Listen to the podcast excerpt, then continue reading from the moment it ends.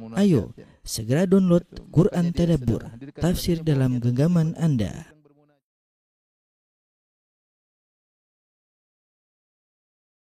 Bismillahirrahmanirrahim. Assalamualaikum warahmatullahi wabarakatuh.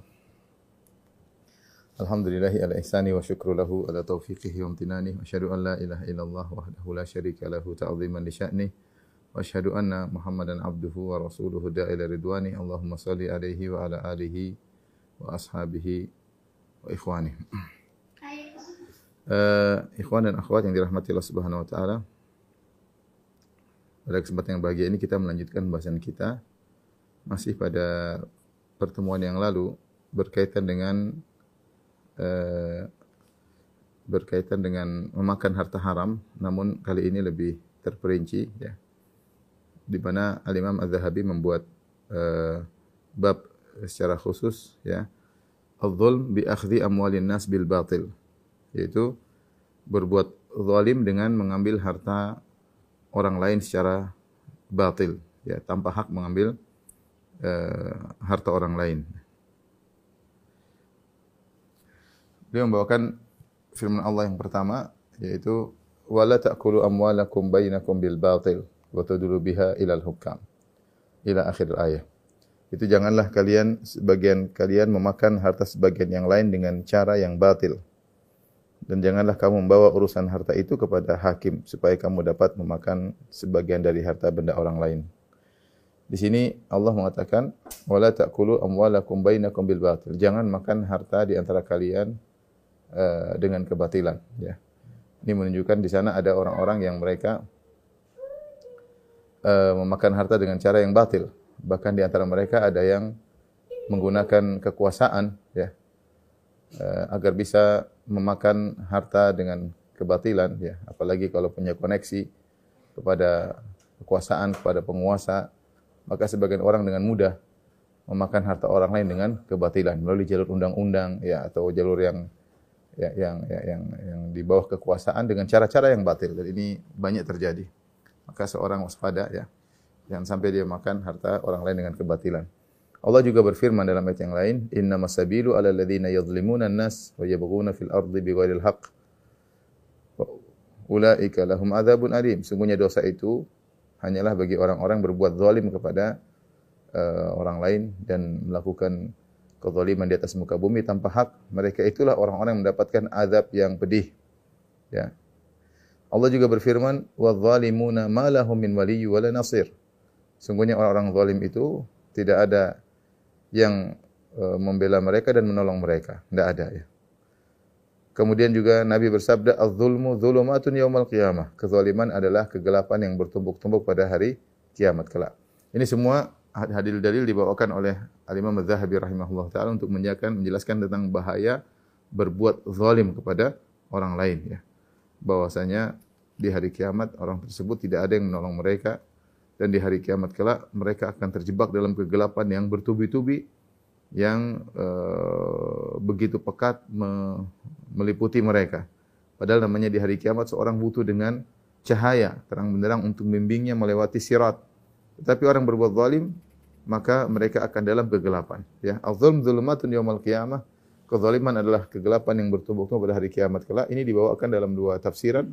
Tafsiran pertama benar-benar dia dalam kegelapan yang pekat sehingga tidak bisa melihat arah jalan sehingga akhirnya ketika melewati sirat akan masuk dalam terjungkal dalam api neraka jahanam. Atau maksudnya azam zulumatun yaumal qiyamah kegelapan sini maknanya adalah majaz kinayah dari uh, kesulitan yang berat akan dihadapi pada hari kiamat. Karena kita hari kiamat penuh dengan penderitaan. Sejak dibangkitkan, kemudian dalam perjalanan, proses perjalanan, setiap tahapan-tahapan penuh dengan penderitaan. Nah, bagi siapa yang berbuat zalim, maka dia akan terjebak dengan banyak banyak penderitaan. Jadi kegelapan tersebut adalah ungkapan dari penderitaan, penderitaan yang bertubi-tubi yang akan meliputi meliputinya. Waliyadzubillah, maka seorang berusaha jangan berbuat zalim kepada orang lain.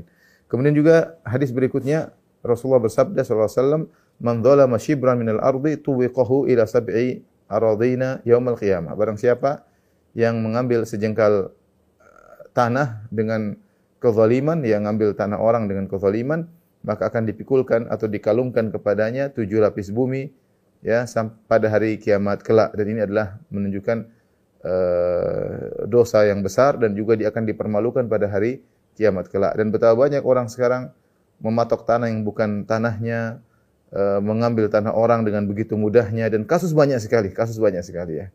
Kasus banyak sekali. Sampai saya pernah bertemu dengan salah seorang uh, apa namanya petugas angkasa pura suatu di suatu daerah dia cerita Ustaz sini membebaskan lahan susah.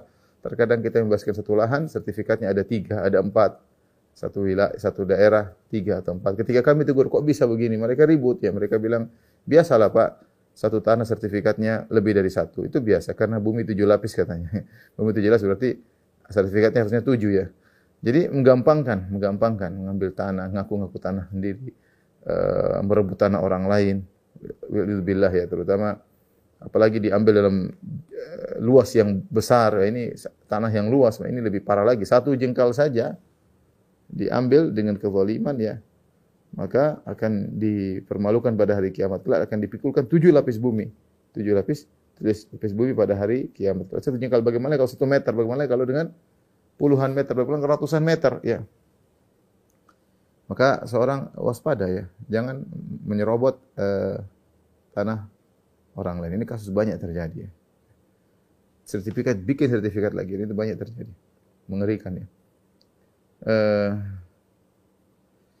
bahkan sebagian orang ya dia tahu-tahu bangun rumah di situ ya. Nanti ketika yang punya tanah mau bangun dia marah-marah minta inilah minta anu minta kerohiman lah.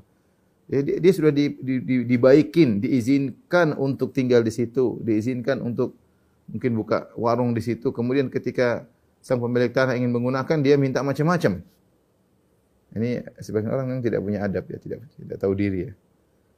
Eh, dan subhanallah saya bertemu dengan sebagian orang yang mendapati kasus seperti ini bagaimana tanahnya direbut oleh orang-orang yang memiliki kekuasaan ya. Dia hanya ya mau apa lagi ya. Tapi intinya ikhwan dan akhwat yang rahmatillah subhanahu wa taala eh, majelis taklim al-ukhuwah yang dirahmati Allah subhanahu wa taala hati-hati jangan mengambil uh, tanah orang ya dengan berbagai macam trik-trik ya. Sebagian dengan menanam pohon yang gede akhirnya pohon gede tersebut masuk ke areal orang, kemudian bilang ini tanah dia. Seorang berusaha menggali misalnya uh, parit atau got sehingga menggali di tanah orang. Berbagai macam metode dilakukan oleh orang, trik untuk bisa mengambil tanah uh, orang lain atau membuat cara ukur yang salah sehingga akhirnya tanah orang masuk ke dalam tanah dia. Kemudian uh, Az-Zahabi rahimahullah membawakan firman Allah, "Inna Allah la yadhlimu mithqala dzarrah." Allah tidak berbuat zalim meskipun hanya Eh, sebesar darah ya. Allah tidak berbuat zalim. Artinya orang yang berbuat zalim pada hari kiamat kelak akan dibalas ya. Hak dia akan diambil. Allah tidak mendolimi setiap orang. Nah, setiap orang yang didolimi di dunia, maka pada hari kiamat dia akan mengambil haknya meskipun sebesar darah. Saya ulangi Allah berfirman, "Inna Allah la dzarrah." Allah tidak berbuat zalim meskipun sebesar ukuran zarrah itu ukuran sangat kecil. Artinya orang didolimi pada hari kiamat kelak di dunia dia dizalimi, hari kiamat dia akan mengambil haknya. Sebab dalam hadis la tu'addunnal huquqa ila ahlihi yaumal qiyamah. Ya. Hatta yuqada li syatil jalhamin min syatil qarna kata Nabi sallallahu alaihi wasallam, sungguh kalian akan benar-benar mengembalikan hak pada pemiliknya pada hari kiamat sampai-sampai kambing yang tidak bertanduk akan mengambil haknya dari kambing yang bertanduk ya. Sampai Nabi menggambarkan jangankan kalian manusia, hewan saja, hewan saja ketika di dunia ada hewan kambing tidak bertanduk, ditanduk oleh kambing yang bertanduk, kambing yang tidak bertanduk ini akan meminta haknya dari kambing yang bertanduk. Hewan akan dikembalikan haknya, apalagi manusia. Masalahnya kalau hewan dikembalikan haknya selesai setelah itu mereka dikatakan oleh Allah kuni turaba jadilah tanah. Dikisos kemudian jadi tanah. Manusia tidak demikian. Ya, manusia ketika dikisos ya maka ada kelanjutannya setelah itu. Kelanjutannya setelah itu ada hisab, ada mizan, ada surga, ada neraka ya, dan seterusnya. Ya. E, dan dalam hadis wa diwanun la yatrukullahu minhu syai'an wa huwa dzulmul ibad. Dan ada catatan yang Allah tidak akan meninggalkannya sama sekali yaitu berbuat zalim kepada hamba yang lain. Ya. E, disebut dalam satu hadis diwan catatan dosa itu ada tiga, ada kezaliman seorang kepada Allah Subhanahu wa taala, e, kezaliman seorang terhadap dirinya sendiri, ya maka itu bisa diampuni oleh Allah Subhanahu wa taala. Kalau kezaliman tersebut buat kesyirikan, maka Allah tidak akan ampuni dan demikian juga ada kezaliman yang Allah tidak akan biarkan. Itu Allah akan kisos, yaitu kezaliman terhadap orang orang lain, ya, kezaliman terhadap orang lain. Makanya uh, Sufyan Ats-Tsauri rahimahullah pernah berkata, "La antal qallaha bi sab'ina dzamban fima bainaka wa bainal Allah ahwan min antal qahu bi dzambin wahidin fima bainaka wa bainal ibad." Kau bertemu dengan Allah buat 70 dosa masih lebih ringan daripada kau yang penting dosamu antara engkau dengan Allah. Masih lebih ringan daripada engkau bertemu dengan Allah dengan bawa satu dosa di mana kau menzalimi orang lain, di mana kau menzalimi orang lain. Karena kata para ulama asalnya dosa antara seorang hamba dengan Allah asalnya Allah Maha Pengampun lagi Maha Penyayang. Itu hukum asal. Ya. Sebaliknya asalnya kesalahan kita kepada orang lain asalnya dia nuntut. Asalnya dia akan nuntut pada hari kiamat. Dia tidak maafkan. Hukum asal dia akan nuntut. Kenapa dia nuntut? Karena dia sendiri butuh dengan pahala pada hari kiamat. Dia sendiri takut masuk neraka. Dia sendiri ingin surganya ditinggikan oleh Allah. Dia butuh pahala sebanyak-banyaknya. Nah kalau ada orang yang bisa dia tuntut, bisa dia ambil pahala-pahalanya, bisa dia store dosanya kepada orang tersebut, dia akan lakukan. Dia, dia akan lakukan. Dan itu tidak peduli kepada siapa pun, bahkan kepada orang tuanya, kepada anaknya, kepada istrinya, apalagi kepada orang lain. Makanya di antara tafsiran firman Allah, ya Fa idza ja'atis sakhah yauma yafirul mar'u min akhi ketika ditiupkan sangkakala seorang akan lari dari saudaranya wa ummi wa abi lari dari ayahnya dari ibunya wa sahibatihi wa bani lari dari istrinya lari dari anak-anaknya. Kenapa mereka lari meninggalkan orang-orang terdekat? Khawatir dituntut. Sebagian salaf mengatakan mereka khawatir dituntut oleh orang-orang terdekat mereka. Makanya hukum asal kalau kita berbuat zalim kepada orang lain, hukum asal orang tersebut akan nuntut. Beda dengan kalau dosa kita dengan Allah. Hukum asal Allah Maha Pengampun. Allah Maha Penyayang. Maka jangan sampai seorang uh, meninggal dalam kondisi berbuat zalim kepada orang lain. Di antaranya zalim dengan makan harta orang lain. Zalim dengan makan harta orang lain. Ya. Karena Allah tidak akan biarkan, Allah akan sidang. Allah akan sidang ya. Para ulama tegas dalam hal ini ya karena Nabi mengatakan inna dima'akum wa amwalakum wa aradakum haramun. Sungguhnya darah kalian haram tidak boleh ditumpahkan. Harta kalian haram tidak boleh ngambil harta orang lain. Sampai sebagian ulama menyebutkan jika Anda di masjid jangan pakai sendal sendal milik orang untuk wudhu. Itu milik orang, hak milik orang. Kalau mau pakai pinjam. Jangan asal pakai. Anda berbuat zalim kepada dia menggunakan harta orang untuk wudhu misalnya. Enggak boleh. Sebagian orang demikian memudahkan pakai sendal orang, sendal orang basah. Orang yang keluar dari masjid, aduh sendalnya basah. Ya, asal ya. Tapi di antara dalil yang dibawakan oleh Al-Imam Zahabi tentang bahayanya makan harta orang lain dengan kezaliman kata Nabi sallallahu alaihi wasallam matalul ghani zulmun. Matalul ghani zulmun. Orang kaya yang mampu menunda-nunda pembayaran utang maka dia telah berbuat kezaliman. Jadi kalau kita punya hutang sama orang dan sudah jatuh tempo, lain halnya kalau belum jatuh tempo enggak ada masalah. Sudah jatuh tempo, sudah waktu harusnya kita bayar dan kita tunda-tunda padahal kita mampu, lalu kita berbuat zalim. Semakin kita menunda, argo, argo dosa semakin berjalan. Argo dosa semakin berjalan. Orang itu butuh. Kita punya duit, kita nggak bayar. Dia tagih, kita nggak bayar. Kita punya uang, kita tahan. Ya, kita mau olah lagi untuk perdagangan, kita mau beli barang baru lagi. Dia, kita ini makan harta dia. Subhanallah dia sudah sudah baik membantu kita untuk menolong kita dan memberi hutangan. Uh, kita balas dengan kezaliman dengan menunda-nunda membayar hutang padahal kita mampu. Makanya Nabi mengatakan matalul ghani zulmun. Orang yang kaya tapi menunda-nunda bayar hutang maka dia berbuat uh, kezaliman ya. Wa min akbari dzulmi al yaminul fajira ala haqqin alaihi ya. Ala haqqin alaihi. Dan di antara uh, kezaliman yang besar adalah sumpah yang fajir, sumpah bohong ya ala haqqin alaihi dengan menafikan uh, hak yang harusnya dia bayar ya. Misalnya orang tagih, "Oh, saya enggak punya utang sama kamu." Demi Allah enggak ada.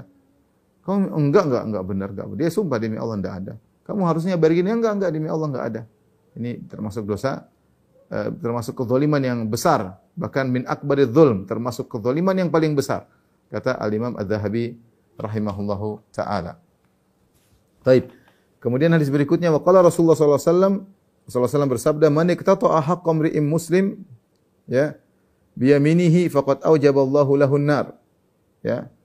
E, barang siapa yang mengambil e, hak seorang muslim dengan sumpahnya dia bersumpah padahal itu bukan milik dia, bersumpah itu milik saya. Dia bersumpah berbohong untuk bisa mengambil harta orang, faqad aujaballahu lahun nar, maka telah Allah wajibkan bagi dia masuk neraka. Qila ya Rasulullah, wa in syai'an yasiran, Ya Rasulullah, meskipun hanya sedikit yang dia ambil milik orang dengan sumpah, Meskipun sedikit kata Nabi, wa in kana qadiban min araq, meskipun hanya sebatang kayu siwak. Hadis riwayat Muslim. Kayu siwak harganya berapa sih kalau kita di Madinah? Satu real mungkin bisa dapat dua, satu real satu. Satu real empat ribu, ya barang murah. Satu real mungkin bisa dapat, apalagi kalau beli banyak, lima real bisa dapat segempong begini ya. Uh, jadi, kata Nabi, meskipun lima ribu rupiah kalau bahasa kita, meskipun dua ribu rupiah, kalau seorang bersumpah dengan nama Allah untuk mengambil, demi Allah itu punya saya, demi Allah itu hak saya. Kemudian dia ngambil meskipun hanya sebatang kayu siwak, maka telah wajib baginya masuk neraka jahanam. Waliyadzubillah. Jangan coba-coba dengan harta orang orang lain. Apalagi kalau dengan harta yang jumlahnya besar, jumlah kecil aja 2000 3000 rupiah. Kalau kita bersumpah untuk mengambil harta tersebut, maka masuk neraka apalagi lebih besar daripada itu. Demikian dalam hadis berikutnya, wa qala sallallahu alaihi wasallam Rasulullah SAW bersabda, "Man ista'malnahu ala amalin fakatamana makhitan fima fama fawqahu ya. Kana gululan ya'ti bihi yaumal qiyamah." Atau mikhyat mungkin ya. Barang siapa yang kami pekerjakan yaitu menjadi petugas negara, kalau zaman sekarang ya PNS ya. Uh, pegawai negeri ya kami tugaskan dalam suatu pekerjaan tugas, fakata mana, kemudian dia ternyata menyembunyikan uh, makhitan atau se se sebuah kain ya. Atau kalau mikhyatan maksudnya uh, jarum, fama fauqahu atau lebih daripada itu ya. Nah, jadi barang murah, selembar kain atau se se sebatang jarum ya, dia sembunyikan karena gululan, maka itulah harta gulul, harta haram. Ya tibi yaumal qiyamah dia akan datangkan pada hari kiamat. Meskipun hanya sebatang ya, jarum ya. Meskipun hanya sebatang jarum kalau dia sembunyikan ya. Kenapa? Itu harta negara. Harta negara disembunyikan. Ya bagaimana orang korupsi dengan harta yang begitu banyak ya. Sekarang korupsi suatu hal yang tidak tidak tidak perlu dipermalukan kalau zaman sekarang. Orang korupsi bareng-bareng, rame-rame, kerjasama. Ketahuan pun santai-santai aja. Sebagian orang ketahuan korupsi masih lambai-lambai kepada masyarakat. Saya kadang-kadang heran, ini bagaimana sih?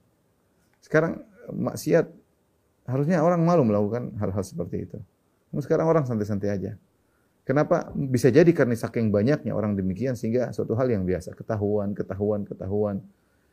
Santai aja, tidak tidak tidak malu. Nanti kalau sudah uh, selesai hukumannya, tampil lagi tidak punya malu, seakan-akan sebagian orang seperti itu ya. Ini makan bukan hanya sebatang jarum dia makan, dia ambil banyak. Dia ambil mungkin ratusan juta, miliaran untuk senang-senang, untuk jalan-jalan istrinya, anak-anaknya. Eh, sementara oh, rakyat harus eh, bayar pajak dengan setengah mati dan yang lainnya. Kemudian juga dalam hadis waqala sallallahu alaihi wasallam sallallahu bersabda, "Inna syamlata allati ghallaha la tashta'ilu alaihi naran." Rasulullah SAW bercerita tentang seorang, ya ini sudah pernah kita sembuhkan ya, kita pernah sebutkan ya, tentang seorang yang uh, sebelum dibagikan harta ghanimah dia mengambil syamlah semacam kain, ya, secari kain. Dia, dia, dia, dia ambil sebelum waktu pembagian. Berarti ini harta haram, ini harta negara. Ya, nggak boleh harta negara. Uh, contoh seperti yang dilakukan di banyak banyak model korupsi di, antaranya misalnya barang-barang sitaan, barang-barang sitaan dari misalnya negara menyita barang-barang yang sitaan milik negara kemudian diambil, kemudian dijual untuk kepentingan pribadi. Sama seperti ini. Ya. ya. Inna syamla lati ghallaha, sungguhnya secari kain yang diambil tersebut, sebelum diizinkan, sebelum pembagian, ya, lihat ya, ini ini bisa saja dia berhak karena dia berjihad. Ini Rasulullah bercerita tentang orang yang berjihad ya, ikhwan. Orang yang berjihad. Bukan sedang zina, bukan sedang merampok, bukan sedang mencuri, dia berjihad dan menang kaum muslimin menang. Dan kita tahu dalam aturan jihad kalau sudah menang, harta gonimah, harta rampasan perang dikumpulkan. Nanti panglima yang bagi, Nabi SAW bagi. Tapi orang ini ngambil dulu. Dia ngambil sebelum dibagi. Dia ngambil sebelum dibagi. Padahal dia berjihad. Dia ngambil sebelum dibagi, maka Rasulullah mengatakan, ya orang ini kalau tidak salah meninggal dunia, ya sebagian sahabat memujinya, ini sukunya ini orang mati syahid, hani'an lahu, bergembira mati syahid. Kata Nabi, tidak. Inna syamla lati ghallaha, dia telah mengambil secari kain. Secari kain yang dia ambil sebelum dibagi tersebut akan menyalakan api neraka baginya. Waliyahzubillah. Ketika Nabi menyampaikan hal ini, faqama rajulun faja'a bi syirakin kana akhadahu lam tusibhul maqasim. Maka datanglah salah seorang dia mengambil syirak. Syirak itu tali sendal. Kita tahu sendal punya dua tali, ya. Kalau sendal zaman dulu ada talinya untuk untuk apa namanya? E, pengkait e, jari ya. Ada dua syirak, ya. Itu barang murah lah. Bikin sendal mungkin dari kulit, zaman dulu mungkin sendal dari kulit, kemudian ada syiraknya untuk kakinya. Ini dia ambil, waktu itu belum pembagian. Maka ketika Nabi mengatakan ini orang uh, baju yang dia ambil, kain yang dia ambil akan menyalakan api baginya. Maka ada sebagian orang yang kemudian mengembalikan syirak, tali sendal. Tali sendal berapa sih? Enggak ada nilainya. Tapi itu bisa menyalakan api. Maka Nabi mengomentari syirakun minar. Kata Nabi tali sendal dari neraka. Subhanallah. Harta negara. Seukuran tali sendal yang mungkin kita beli sekarang harganya berapa sih tali sendal sih? 5 ribu, 10 ribu. Bisa menyalakan api neraka. Apalagi lebih banyak daripada itu. Silakan bersenang-senang orang mengambil harta negara. Ya. Uh, sungguhnya mereka akan mendapatkan nyala api neraka pada hari kiamat kelak. Kecuali jika mereka bertobat dan tobat mereka diterima oleh Allah Subhanahu Wa Taala. Kemudian ada hadis yang lain Kata Imam Zahabi, wa qala rajulun, ada seorang berkata, "Ya Rasulullah, wahai Rasulullah, in kutiltu sabiran muhtasiban muqbilan ghairu mudbir, atukaffaru anni khotoyaya?" Dia bertanya, "Ya Rasulullah, jika aku terbunuh dalam medan pertempuran, sabiran, aku bersabar, muhtasiban dalam rangka mencari pahala, sabar mengharapkan pahala, muqbilan ghairu mudbir, aku maju tidak pernah mundur sama sekali." Dia cerita bagaimana kalau saya berperang modelnya seperti itu maju, enggak pernah mundur, bersabar, mengharapkan pahala, memang ingin mati syahid. Atukaffaru anni khotoyaya, apakah seluruh dosa-dosaku akan diampuni jika saya meninggal dalam kondisi mati syahid seperti itu? Bukan orang yang bertempur dengan takut-takut, tapi berani maju ke depan, tidak mundur sama sekali, akhirnya mati syahid. Apakah seluruh dosa-dosaku akan diampuni? Kata Nabi SAW, Naam, iya dosa-dosamu akan diampuni seluruhnya, illa dain kecuali hutang. Ruah muslim, hadis riwayat muslim. Mengerikan. Imam Nawawi ketika mengomentari hadis ini dia mengatakan bahwasanya hak-hak manusia, hak-hak orang lain tidak akan digugurkan dengan amal soleh. Saya ulangi, hak orang lain tidak akan digugurkan dengan amal amal soleh. Di antara hak orang lain adalah utang.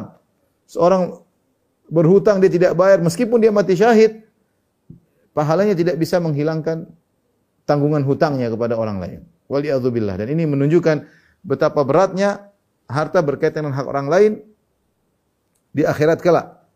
Sampai Kondisi orang mati syahid tidak menjadikan tanggungan hutangnya kepada orang lain gugur. Ya, dia tetap akan ditutup pada hari kiamat kelak. Tetap akan ditutup pada pada hari kiamat kelak. Kemudian hadis berikutnya waqala sallallahu alaihi wasallam Rasulullah SAW bersabda inna rijalan yatakhawwaduna fi malillahi bighairi haqq falahumun naru yaumal qiyamah rawahul Bukhari. Sungguhnya sebagian orang yatakhawwadun yatakhawwadun mengolah mengolah harta Allah bighairi haqq maksudnya mengolah harta negara ya karena baitul mal adalah harta milik negara. Kalau zaman sekarang harta negara. Kata Nabi ada sekelompok orang yang mereka mengelola harta negara tanpa hak. Falahumun naru yaumal qiyamah maka bagi mereka neraka pada hari kiamat kelak. Dia enak aja bikin bikin aturan gaji sekian. Harusnya seorang ketika mengelola harta negara dengan pengelolaan yang terbaik untuk kemaslahatan masyarakat. Apalagi sumber harta tersebut dari masyarakat misalnya. Ternyata dia bikin aturan sendiri yang seenaknya, yang menyenangkan dia, Eh, menyamankan dia, me, me, memfoya-foyakan dirinya. Dia ngelola harta tanpa tanpa uh, tanpa hak. Atau bikin uh, proyek kemudian ngabis-ngabisin harta negara ya. Uh, yang untuk dia bisa mengambil keuntungan begitu banyak ya. Proyek-proyek tidak ada manfaatnya. Dia mengelola harta negara tanpa hak.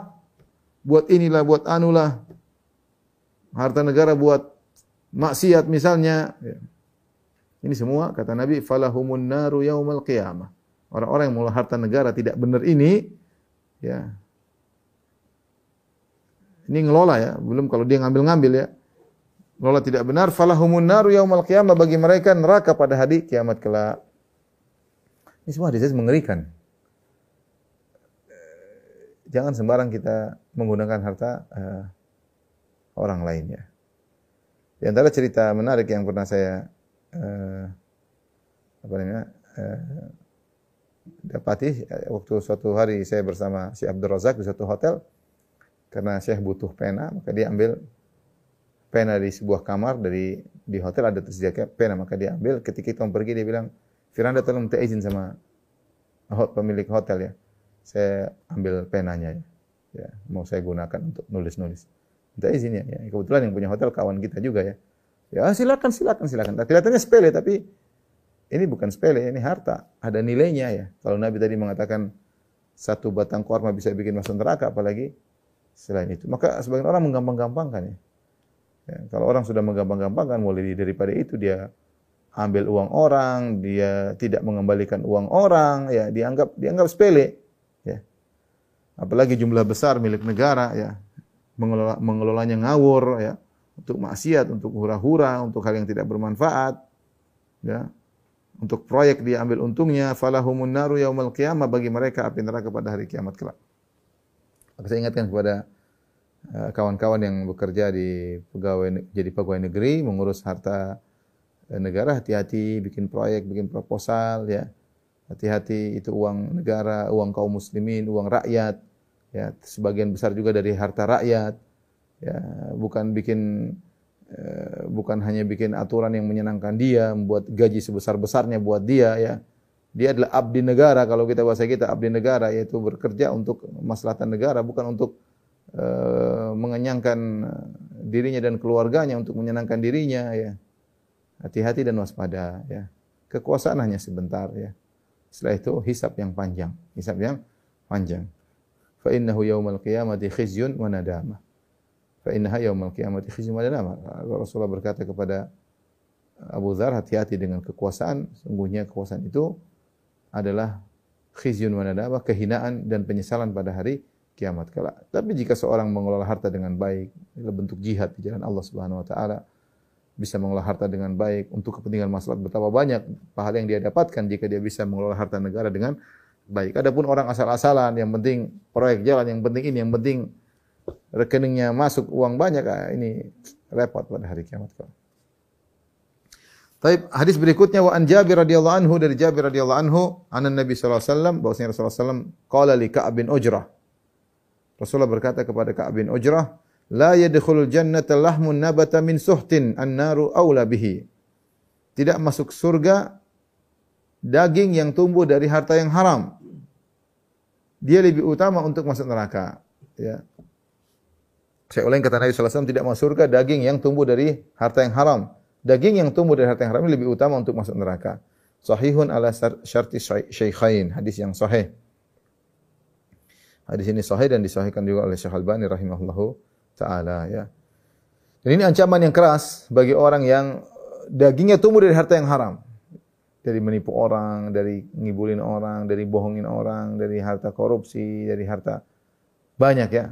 Jebol apa jebol rekening orang lain, ya banyak trik-trik mencari harta haram banyak. Sebagian orang pakar. Ternyata dia makan dan dagingnya tumbuh dari harta haram, itu daging lebih utama untuk dibakar di neraka jahanam dan tidak masuk surga. Wa qala Abdullah Abdul Wahid bin Zaid an Aslam al-Kufi an Murrah al-Hamadani an Zaid bin Arqam an Abi Bakar an Nabi sallallahu alaihi wasallam dari Abu Bakar radhiyallahu anhu dari Nabi sallallahu alaihi wasallam Rasulullah bersabda la yadkhul jannata jasadun ghudhiya bi haram tidak masuk surga jasad yang diberi makanan dari harta yang haram namun hadis ini hadis yang dhaif, secara sanad dhaif tapi maknanya sama dengan hadis yang sebelumnya. Kemudian perhatikan uh, Al-Imam Zahabi di penghujung bab ini dia berkata, "Wa yadkhulu fi hadzal bab al-makkas." Dan termasuk dalam hal ini adalah pemungut pajak. Juga makan dari harta yang haram. Wa, wa tariq. Orang yang makan perampok ya yang yang menghalangi orang di tengah jalan kemudian dirampok hartanya. Wasariq dan pencuri. Wal battat, al battat adalah orang yang kurang kerjaan, pengangguran tapi dimanfaatkan oleh sebagian kelompok untuk bikin kacau sana, bikin kacau sini, untuk demo sana, untuk demo sini, untuk kepentingannya sehingga kemudian dikasih gaji oleh mereka yang namanya al battat ya. Wal khain demikian juga orang yang berkhianat ya, berkhianat mengkhianati teman bisnisnya, mengkhianati rekan uh, rekan bisnisnya Ya.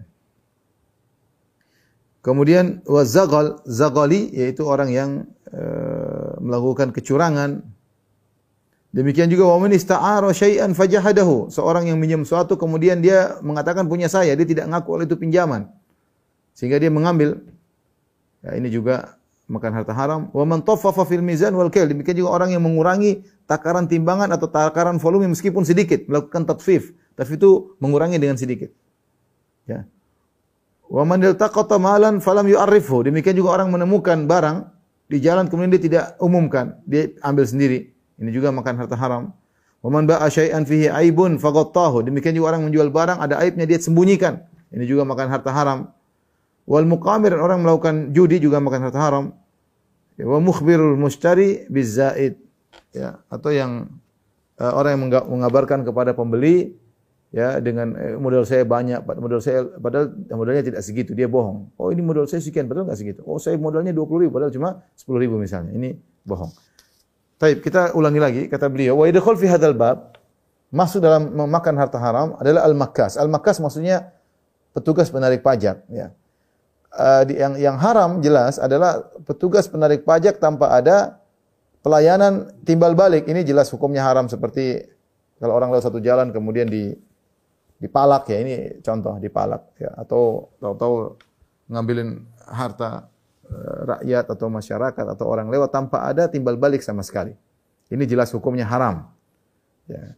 Adapun jika uh, pajak dilakukan oleh negara misalnya sebagainya dilakukan oleh di zaman sekarang ya di hampir uh, banyak di banyak negara maka uh, para ulama mengatakan boleh hukumnya boleh jika memang dalam kondisi uh, negara lagi pailit, artinya lagi sulit dan dalam kondisi mendesak, ya, dia boleh mengambil mengut pajak sesuai dengan kemaslahatan yang dilihat karena hukumnya adalah darurat, ya, hukumnya adalah darurat. Kalau tidak, secara uh, kenyataan sulit untuk menjalankan roda perekonomian, ya. Uh, yang pertama dengan syarat memang lagi dibutuhkan, bukan hanya sekedar mungut-mungut tanpa ada kebutuhan. Dan yang kedua, pengelolaannya harus benar. Pengelolaannya harus benar karena itu mengambil uang rakyat ya, mengambil uang rakyat. Jika ternyata kebutuhan sudah terpenuhi maka tidak boleh lagi e, memungut pajak ya. Wallahu alam bisawab. Ya. E, adapun orang memungut pajak kemudian dengan aturan yang benar-benar pajak yang menikam e, yang yang tidak mampu dilakukan oleh yang real, seorang bekerja akhirnya kalau dia berpajak usahanya jadi hancur, misalnya peraturan ngawur dilakukan, maka ini tidak diperbolehkan. Ini namanya mendolimi. Ya orang ditarik pajak ya, tetapi yang yang logis, yang dia bisa bayar pajak dan usahanya juga bisa jalan, ya. Usahanya juga bisa bisa jalan ya. Sebagian orang e, mengut pajak dengan cara yang yang tidak benar. Adapun kalau ternyata peraturan tersebut sudah benar, maka rakyat harusnya berusaha untuk membantu negara dengan bayar pajak e, sesuai dengan aturan yang benar jika benar dan pengelolaannya benar. Adapun membuat peraturan yang e, menekan masyarakat yang tidak logis yang menjadikan justru menjadikan usaha mereka akhirnya hancur lebur maka ini adalah kezaliman yang nyata. Wa qati'ut tariq perampok ya. Qati'ut tariq qati'ut tariq maksudnya orang yang merampok, penyamun kalau bahasa kita. Ya kalau sebagian orang mengatakan kalau di di luar Jawa ada benar bajing loncat atau apalah. Kalau di, mereka datang maka dirampoklah. Mobil dirampok ya. Bis dirampok dan ini dosanya dosa besar, makan harta orang lain ya. Bahkan sebagian mereka sampai membunuh dan ini lebih mengerikan lagi. Keberadaan mereka saja sebelum merampok buat orang takut sudah bikin dosa. Bayangkan orang mau lewat sudah ketakutan. 10 kilo belum sampai tempat situ sudah ketakutan. Semakin mendekat semakin takut, sudah dosa tersendiri. Orang takut lewat di situ. Apalagi kemudian benar-benar dirampok. Maka ini termasuk makan harta haram yang dilarang dalam syariat. Kemudian sarik. Sarik pencuri akan datang pembahasannya setelah ini. Wal battat, al battat tadi sudah saya sebutkan al battat adalah orang yang uh, orang yang tidak punya pengangguran ya, pengangguran tapi kapan dibutuhkan suatu instansi, kapan dibutuhkan suatu kantor, kapan dibutuhkan suatu seorang untuk bikin kacau di sana, bikin kacau di sini, untuk demo di sana, demo di sini, untuk bikin rame rusuh sana, rusuh sini, dia siap aja. Pokoknya dia sejumlah orang yang memang ya mungkin para preman semisal semisal itulah atau orang yang enggak ada kerjaan ya disewa untuk nakut-nakuti lah, disewa untuk inilah, untuk bikin opini lah dan macam-macamnya. Maka ini ini juga makan harta haram, makan harta haram. Kemudian wal khain pengkhianat dan ini banyak ya.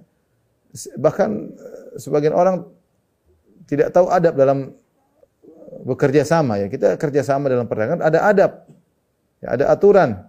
Sebagian berkhianat, membongkar rahasia perusahaan misalnya atau menjalin hubungan dengan pihak ketiga tanpa persetujuan pihak kedua misalnya padahal mereka sudah punya aturan dan dalam Islam al muslimun ala syurutihim kaum muslimin harus menjalankan persyaratan yang mereka sepakati kalau sudah berikan sepakat maka tidak boleh dilanggar ya. Tidak boleh di, dilanggar sesuai dengan yang mereka sepakati. Tapi sebagian orang berkhianat, berkhianat ya. Dan itu banyak orang yang ketika dia lihat, melihat peluang dapat keuntungan banyak dia berkhianat kepada rekan bisnisnya.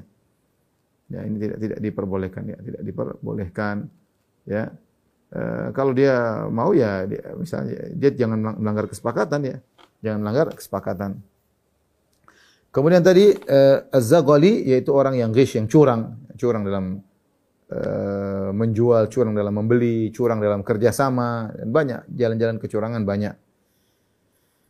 Sehingga dia mendapatkan harta yang haram. Demikian juga orang yang meminjam sesuatu, kemudian dia dia, dia ngaku ini milik saya. Ya, ini milik saya kok. Dia sudah pinjam sudah lama, di, ketika mau diminta, enggak ini milik saya.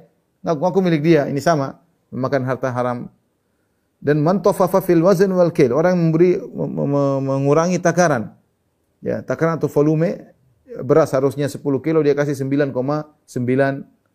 kilo. Satu ons dia buang. Tidak kelihatan tatfif itu sesuatu yang sedikit. Allah berfirman wailul lil mutaffifin. Celaka bagi orang yang melakukan tatfif. Tatfif itu bukan mengurangi banyak-banyak hanya mengurangi sedikit doang. Sehingga tidak terasa orang yang melihat tidak terasa. Tapi ini dosa besar. Demikian timbangan ya. Volume harusnya misalnya 5 eh, liter jadinya 4,9 liter misalnya. Dikurangi uh, 0,1 liter misalnya. Orang tidak tahu ya. Sedikit orang tidak tahu. Tetapi ternyata dia sengaja ya dibikin ukuran yang memang dikurangi. Tulisnya tetap 5 liter ternyata isinya 4,9 liter misalnya. Jadi dia makan harta haram 0,1 liter. Timbangan maupun volume ya. Dan ini meskipun sedikit maka haram. Ya. Makanya waspada orang-orang yang kerja sama kerja misalnya jualan bensin, jualan solar, hati-hati ya. Jangan sampai kemudian mengurangi volume dari uh, bahan bakar tersebut. Waspada, jangan sampai mengurangi volume bahan bakar bahan bakar tersebut ya. Sama seperti misalnya sebagian orang yang uh, menjual misalnya menjual apa namanya layanan internet ya, tulisannya 10 giga ternyata bukan 10 giga ternyata 8 giga misalnya atau kecepatannya tulisannya sekian ternyata kurang bohong-bohong masyarakat dibohongin. Hati-hati. Ini sama tatfif. Tatfif dalam jasa yang dia jual dia kurangi. Ya dikurangi masyarakat dibohongi misalnya hati-hati. Ya. Kemudian memilih taqata malan falam yu'arifhu Ya, sama seperti seorang yang mendapatkan harta, harusnya kalau dapat harta barang jatuh, barang temuan, harusnya kalau nilainya besar, harusnya dia umumkan. Dia umumkan, ya, ada aturannya. Ternyata tidak diumumkan, kemudian dia pakai, dia gunakan, maka ini juga menggunakan harta haram. Barang siapa yang menjual suatu barang yang ada aibnya, dan ini berat bagi orang para penjual. Banyak penjual itu ingin untung banyak, pikirannya untungnya, yang penting bagaimana bisa banyak. Sehingga aibnya dia sembunyikan. Kalaupun ada aibnya 10, cuma kabarkan 5, limanya dia sembunyikan. Tidak boleh. Ya, kata Nabi SAW, wa in kadzaba wa katama muhiqat barakatu bai'ihima. Kalau mereka ternyata berbohong dan menyembunyikan aib barang, maka akan dihilangkan keberkahan transaksi mereka. Sebenarnya orang pokoknya yang punya harta banyak kelihatannya akan bahagia, kelihatannya sukses. Tidak. Yang penting adalah keberkahan. Bisa jadi seorang memiliki harta banyak tapi tidak berkah. Justru semakin menjerumuskan dalam neraka jahanam. Maka seorang melatih diri dan ini memang kalau orang jual barang, dia potensi dia untuk menyembunyikan itu besar. Maka dia diri. Pokoknya cuek aja lah. Iya barang saya segini, segini, segini. Ada aibnya begini, begini. Ada. Dia us usahakan. Memang berat, tapi dia harus tawakal. Ini harganya berapa nggak urusan. Pokoknya insya Allah berkah. Ya, jual barang, jual mobil. Ternyata aibnya satu, dua, aibnya ada sepuluh. Sebutin semuanya. Satu, dua, tiga, empat, lima. Kalau ada kemungkinan akan muncul aib. Seperti ini mobil sudah agak lama. Bisa jadi khawatir saya khawatir. Sampaikan. Semua yang mempengaruhi kualitas dari barang yang kita jual harusnya harusnya wajib kita sebutkan. Contoh orang jual mobil, dia punya aib 10 ya. Misalnya dia bilang, ini mobil saya banyak rusaknya ya. Ya. Kalau kita buka pintu ada bunyinya tet, Kalau kita buka bagasi ada bunyinya, tet semuanya. Kalau kita goyang setir, semuanya ada bunyinya. Berarti mobil sudah lama banget. Semua ada bunyinya, kecuali satu yang tidak ada bunyinya, itu klakson misalnya. Ini mobil udah parah-parah sekali. Ya sebutin aja semua aibnya orang penjual yang penting tahu, pembeli tahu ya. Tinggal dia jual berapa nilainya ya terserah lah. Itu urusan rezeki urusan Allah Subhanahu wa taala. Tapi manusia suka menyembunyikan aib ya. Sama kita mau jual mobil, mau jual rumah, mau jual, sebutin, mau jual sepeda, mau jual, sebutin. Bahkan bukan cuma aib yang ada, bahkan aib yang kemungkinan akan muncul kalau bisa jelas kita jelaskan. Jangan sampai kita bohong ini misalnya ini mobil, kita tahu sebentar lagi ada rodanya bakalan pecah atau apa, kita diam-diam aja. Nggak boleh, harus kita tahu ini mobil bannya ini masih oke, okay, tapi sebulan lagi harus diganti misalnya. Kasih tahu. Sehingga orang yang membeli benar-benar tahu kualitas mobil. Lain halnya kalau kita jual sama tukang bengkel yang dia ngerti semua, kita bisa tahu aib 10, dia bisa tahu aib 20, dia lebih tahu aib daripada kita. Itu enggak urusan. Tapi kalau orang awam beli tidak ngerti tentang mobil, ya kita harus jelasin. Kita jelasin yang kita tahu tentang aib mobil ini. Nah, setelah itu serahkan kepada Allah tawakal. Mau dia tawar berapa ya kita tinggal bismillah aja ya. Jangan kita sembunyikan. Benar-benar kalau kita sembunyikan kita makan harta haram. Kita makan harta haram.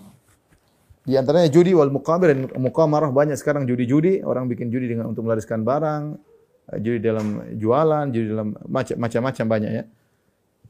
Di supermarket lah, di mana lah penjualan ini, penjualan anu pasang hadiah-hadiah yang bagian daripada judi ya. Kemudian mukhbirul muscari bizaid uh, yang mengabarkan kepada penjual dengan yang mengabar penjual yang mengabarkan kepada pembeli dengan harta dengan modal yang lebih. Contohnya dia mengatakan, ini modal saya demi Allah ya adalah eh, dua puluh ribu. Padahal modalnya lima belas ribu. Dia bilang ini dua puluh ribu ya. Saya cuma untung sedikit, cuma untung dua ribu doang. Padahal untungnya tujuh ribu. Ya modal lima belas dijual eh, dua puluh dua ya. Orang yang pembeli terpedaya. Ini namanya dia makan lima ribu dari pembeli dengan harta haram ya. Tapi di antara praktek-praktek harta haram yang tersebar di masyarakatnya. Di antaranya ikhwan dan akhwat yang rahmatillah subhanahu wa taala, ya. Di antaranya meminjam uang dengan niat untuk tidak mengembalikan. Meminjam uang dengan niat tidak untuk mengembalikan. Sebenarnya orang sengaja pinjam duit, ya ternyata dia sudah niat untuk tidak mengembalikan. Maka ini adalah makan harta harta uh, haram, ya. Ya. Kemudian juga misalnya sengaja untuk menyewa pekerja dengan niat untuk tidak menunaikan gajinya ya secara utuh sengaja. Dengan ini juga tidak diperbolehkan. Eh, Contohnya makan harta haram adalah bekerja tidak sesuai dengan jam kerja. Ya, harusnya jam kerja sehari 8 jam, dia kerja cuma 6, 6 jam. Kemudian dia menerima gaji penuh. Ini namanya dia makan harta haram. 20% dari gajinya haram. Harusnya 8 jam per hari, dia cuma 6 jam, berarti ada 20%, 25%. Seperempat, 25% haram. Ya, maka harusnya kalau dia terima gaji, 20% dia kembalikan harusnya. Karena dia kerja cuma 75% dari waktu yang disepakati. Ini banyak orang-orang kerja di, di, di perusahaan, di instansi pemerintah, di uh, kemudian dia apa namanya disebut dengan uh, mencuri waktu ya. Dia datang terlambat, pulang paling cepat. Waspada ya. Ini adalah makan dari harta yang uh, haram ya. Ya. Di antaranya menipu uh, orang dengan misalnya dia Eh, mengesankan dirinya sebagai wakil, ternyata dia berbohong ya. Misalnya ada seorang si A bilang pada si B, B, kamu mumpung lagi di Bandung nih, tolong belikan saya anu deh, belikan saya roti molen Bandung yang enak ya udah. Ya, bahasanya tolong, iya saya belikan, saya belikan. Ternyata dia markup harganya. Dia markup harganya tanpa diketahui oleh pembeli dan dia bilang biasa kok namanya kita sudah capek cariin kan enggak kalau kamu begitu jangan statusmu sebagai wakil yang bantu menjual membelikan karena membantu membelikan namanya wakil. Jadikanlah dirimu status sebagai penjual, enggak ada masalah. Jadikanlah jadikanlah dirimu sebagai status saya penjual. Ini ambil, kamu ambil dari saya satu bolen satu bungkus seratus ribu ya mbak ya. Dari saya seratus ribu ya. Enggak apa-apa kalau begitu. Ya, tunjukkan dirimu statusmu adalah penjual. Jangan kau mengesankan dirimu adalah wakil yang menolong membelikan. Ternyata kau markup harganya. Ini hukumnya haram. Ini banyak dalam perusahaan.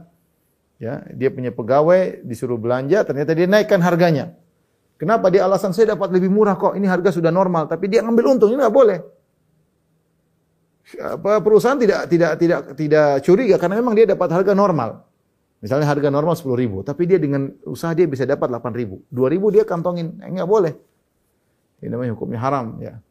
Sama seperti kalau dia sudah, dia wakil dari perusahaan, kemudian dia cari barang, dia tawar-tawar, kemudian dapat upah dari orang tersebut, uh, apa namanya yang, yang menyediakan barang tersebut atau dari uh, penjual, ternyata kasih dia upah, tidak boleh, dia harus laporkan kepada ownernya, ini saya dapat upah, saya sudah di, di saya sudah digaji untuk membeli barang, kemudian dapat eh, dapat lagi dari eh, penjual, ya maka dia harus laporkan kepada ownernya bagaimana. Kalau ownernya bilang ambil nggak ada masalah, ya sudah karena itu harta adalah milik milik eh, perusahaan.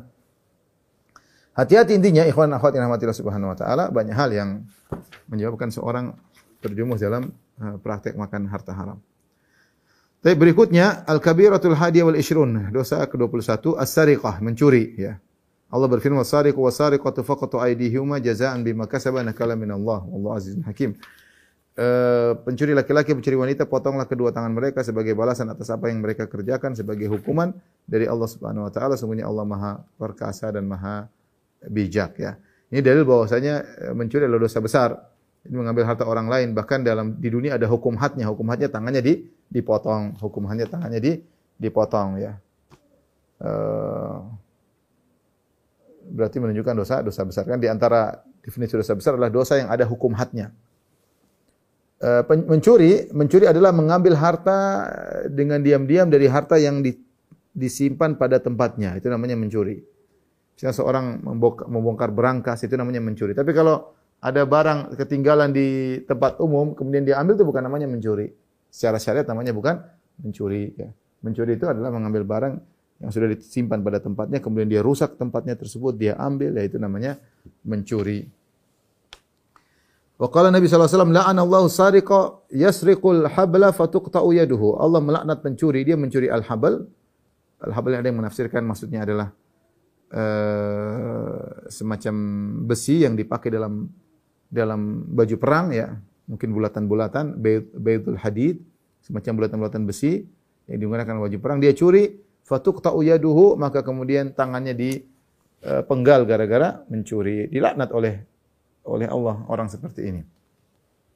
Rasulullah SAW bersabda law anna Fatimah binta Muhammadin saraqat laqata'tu yadaha. Seandainya Fatimah binti Muhammad mencuri aku akan potong tangannya. Nabi tegas ya. Seandainya Nabi uh, Fatimah mencuri aku akan potong tangannya ya. Nabi mengucapkan hal ini ketika ada sebagian orang Quraisy dari wanita Makhzumiyah yang mencuri sehingga sebagian orang minta kepada Usama agar minta kepada Nabi memberi keringanan. Kenapa ini orang berasal dari nasab yang tinggi ya. Eh, dari Bani Makhzum, dia mencuri jangan sampai dipotong tangannya. Bisakah Nabi kasih keringanan wahai Usama mintalah syafaat kepada Maka Nabi marah.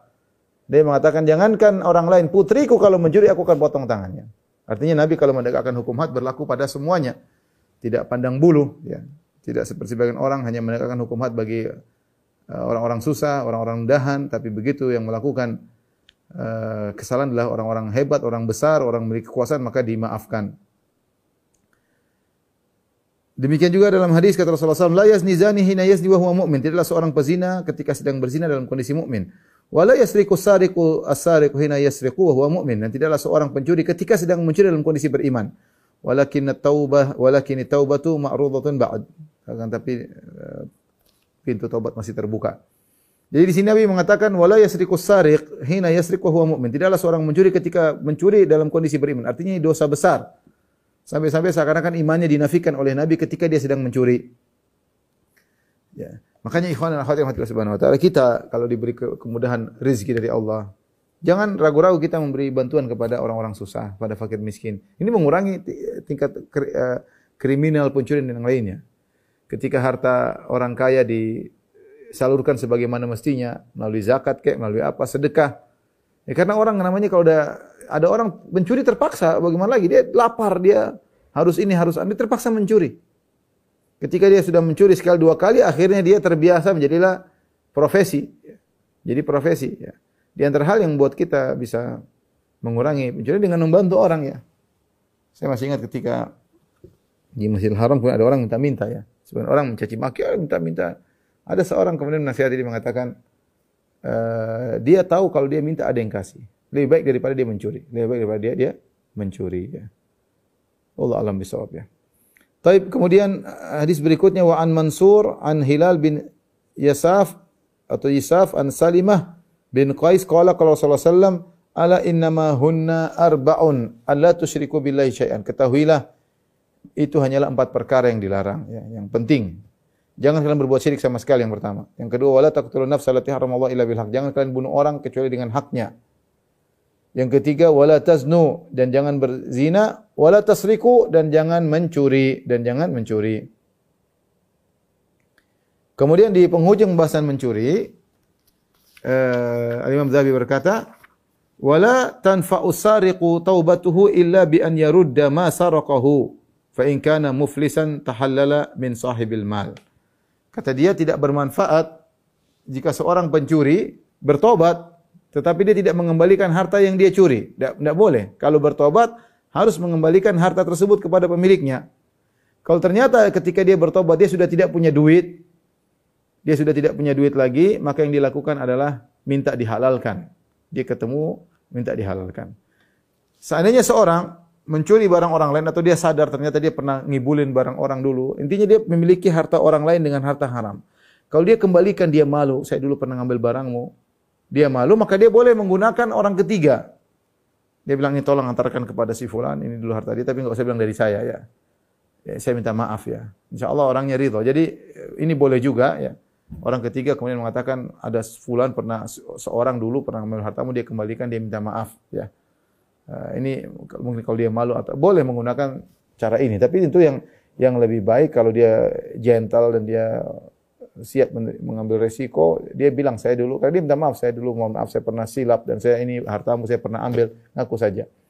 Tapi jika ternyata dia tidak ada harta untuk bisa dikembalikan tadi kata uh, Az-Zahabi caranya dengan dia ya tahallal yaitu minta dihalalkan. Datang ketemu orangnya, mohon maaf saya dulu pernah ngambil uangmu 100 juta, 200 juta tahun sekian-sekian kamu mungkin enggak tahu saya silap uang apa saya ambil diam-diam.